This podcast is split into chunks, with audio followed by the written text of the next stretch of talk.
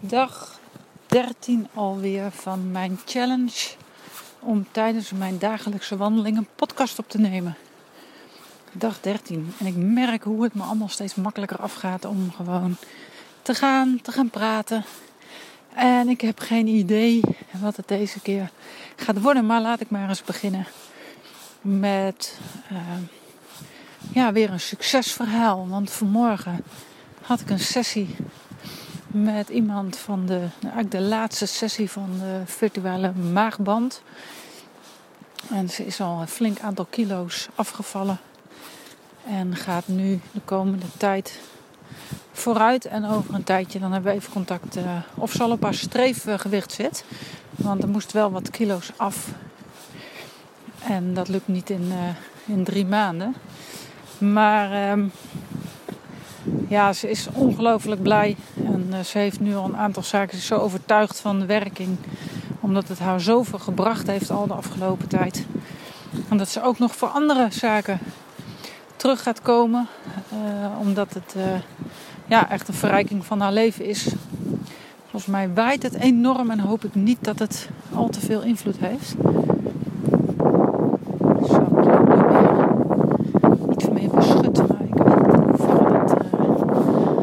Gaat zijn. Maar we gaan het zien. Het is tijdens de wandeling en dan kan er dus van alles gebeuren. En dan is er wind, dan is er regen.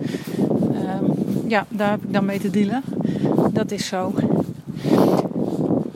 Maar het mooie is, als ik dan zo'n sessie gedaan heb, dan. En ik zie iemand helemaal blij, opgewekt de deur uitstappen. En allerlei zaken die tijdens zo'n sessie naar voren komen waarin het onbewuste al begint te spreken via de signalen uh, die ik heb ingesteld. En dat hij iets heel anders vertelde uh, dan dat zij met haar mond zei. Want ik vroeg haar letterlijk: Ben jij bereid dit vandaag te transformeren? Dat waar jij vandaag voor in de stoel zit. En ze zei ja. Maar haar vingers, die ik een ja en nee signaal had ingesteld, zeiden nee. Haar nee-vinger begon te bewegen. En dat is voor mij een signaal dat er iets anders zit. Dat er eerst iets anders moet gebeuren voordat de sessie echt kan gaan starten. En wat misschien nog wel mooier is, is dat mijn cliënt op dat moment dat zelf ook voelde. En ze zat van, hè, ik, tuurlijk wil ik dat. Ik zit hier toch. Ik wil dit toch. Maar dat haar onbewuste via haar vinger dat aangaf. En dat voelde ze. Ze zag het zelf ook gebeuren. En ze zegt: Dit doe ik niet bewust. Dit doe ik niet. Dit doe ik niet zelf. En toch gebeurt het. Ik zei: Nou ja, dit is de kracht van praten met het onbewuste. En dit is de kracht van problemen oplossen op het niveau van het onbewuste.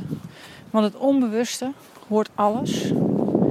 En die weet precies wat het moet doen. En op het moment dat het op dat moment denkt: ja, maar die transformatie is leuk. Maar dat is niet uh, de bedoeling, want ik moet goed voor jou zorgen. Dan moet er dus eerst iets anders gebeuren. Nou, dat heb ik gedaan. Nog voordat ze in hypnose ging, heb ik met haar uh, onbewuste afspraken gemaakt. En heb ik gevraagd aan de onbewuste om ervoor te zorgen dat de transformatie wel kan gaan plaatsvinden. En doe daarvoor wat nodig is. En op een bepaald moment kwam de ja. Want die hebben we nodig voordat we de sessie echt konden gaan starten. En op het moment dat ik na check, check, dubbelcheck de bevestiging had dat zij er op alle niveaus klaar voor was om die transformatie te gaan maken, gebeurde het.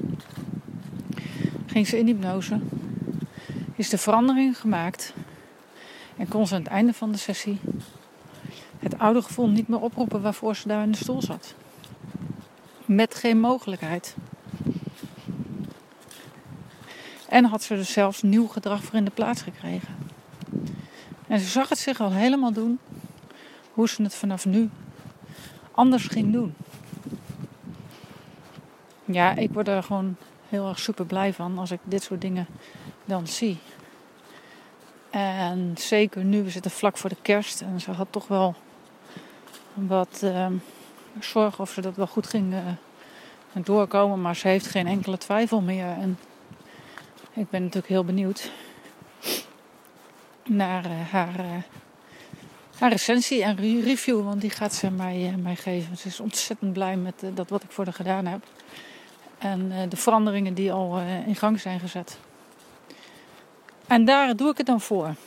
En ja, ik loop nu in het bos en denk wat is het toch heerlijk, wat heb ik toch heerlijk werk. En dan kom ik eigenlijk op de vraag die stelt. En ze zegt, ja, weet je, dit moet iedereen toch weten. Waarom doet niet iedereen dit? Want dan zou de wereld er zoveel mooier en zoveel leuker uitzien en vriendelijker. Ja, omdat er nog heel veel mensen zijn die er niet in geloven, er niets van willen weten, het misschien nog te spannend vinden. Misschien eh, vanuit andere overtuigingen uh, dat niet willen.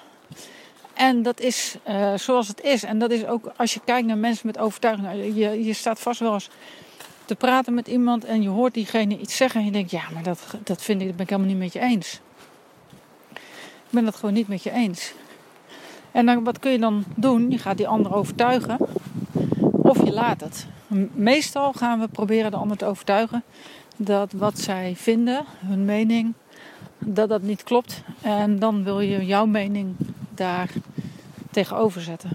Nou, dat mondt heel vaak uit in conflicten. Of in ieder geval wat vrevel. Want de ander laat zich namelijk niet zo makkelijk overtuigen, want die gelooft namelijk ook ergens in. Iemand moet het ervaren en dan, uh, dan raakt hij overtuigd, daar ben ik zeker van.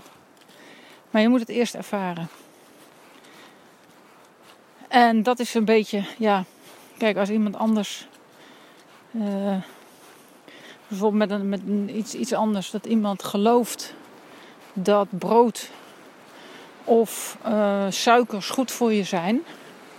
Laat ik even suikers noemen in dit geval, want brood, daar zijn ook nog verschillende perspectieven op te verzinnen. Maar van suiker kunnen we ons makkelijk voorstellen dat we wel snappen dat dat niet echt goed is voor je lichaam. Gewoon zo'n schep witte suiker. Maar er zijn gerust mensen die daar ook weer van kunnen zeggen: ja, maar één schepje maakt niet uit. Of um, ja, suiker heb je nodig, want uh, je moet toch verbranden en je, moet, hebt energie nodig.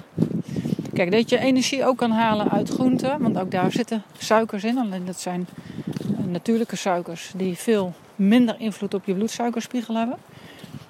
Dat is natuurlijk uh, dat is een, een, feit. Maar het is natuurlijk veel leuker en fijner om te geloven als je een zoete kou bent. Dat, uh, dat die snoep wel iets voor je lichaam doet. Namelijk energie geven. En je wil dan niet horen de dingen die nadelig zijn. Daar blijf je van weg. En als iemand jou daarop wijst, dan uh, wil je dat eigenlijk liever niet horen. Ja, natuurlijk hoop ik dat uh, er steeds meer mensen hier wel voor open gaan staan en ook gaan ervaren wat het uh, voor je kan betekenen voor de kwaliteit van je leven. Op het moment dat je die verandering maakt. Ja, dan ben je al zo blij dat je. en gelukkig dat je vanaf dat moment het in ieder geval wel allemaal anders gaat doen. Maar anders dan, ja, Weet je, moet je voorstellen dat je al 40 jaar bepaalde dingen doet en dat het niet meer nodig is, dat je het niet meer doet. Of dat je al uh, je hele leven lang snoepjes uit die pot pakt en dan ineens dat niet meer doet. En dat je leven er kwalitatief zoveel op vooruit gaat. Dat is toch geweldig? Ik ga deze podcast voor vandaag uh, afsluiten, want het waait echt enorm. Dus ik vrees ook dat het geluid heel slecht is vandaag. Maar goed, het maakt niet uit. Ik heb mijn wandeling gemaakt.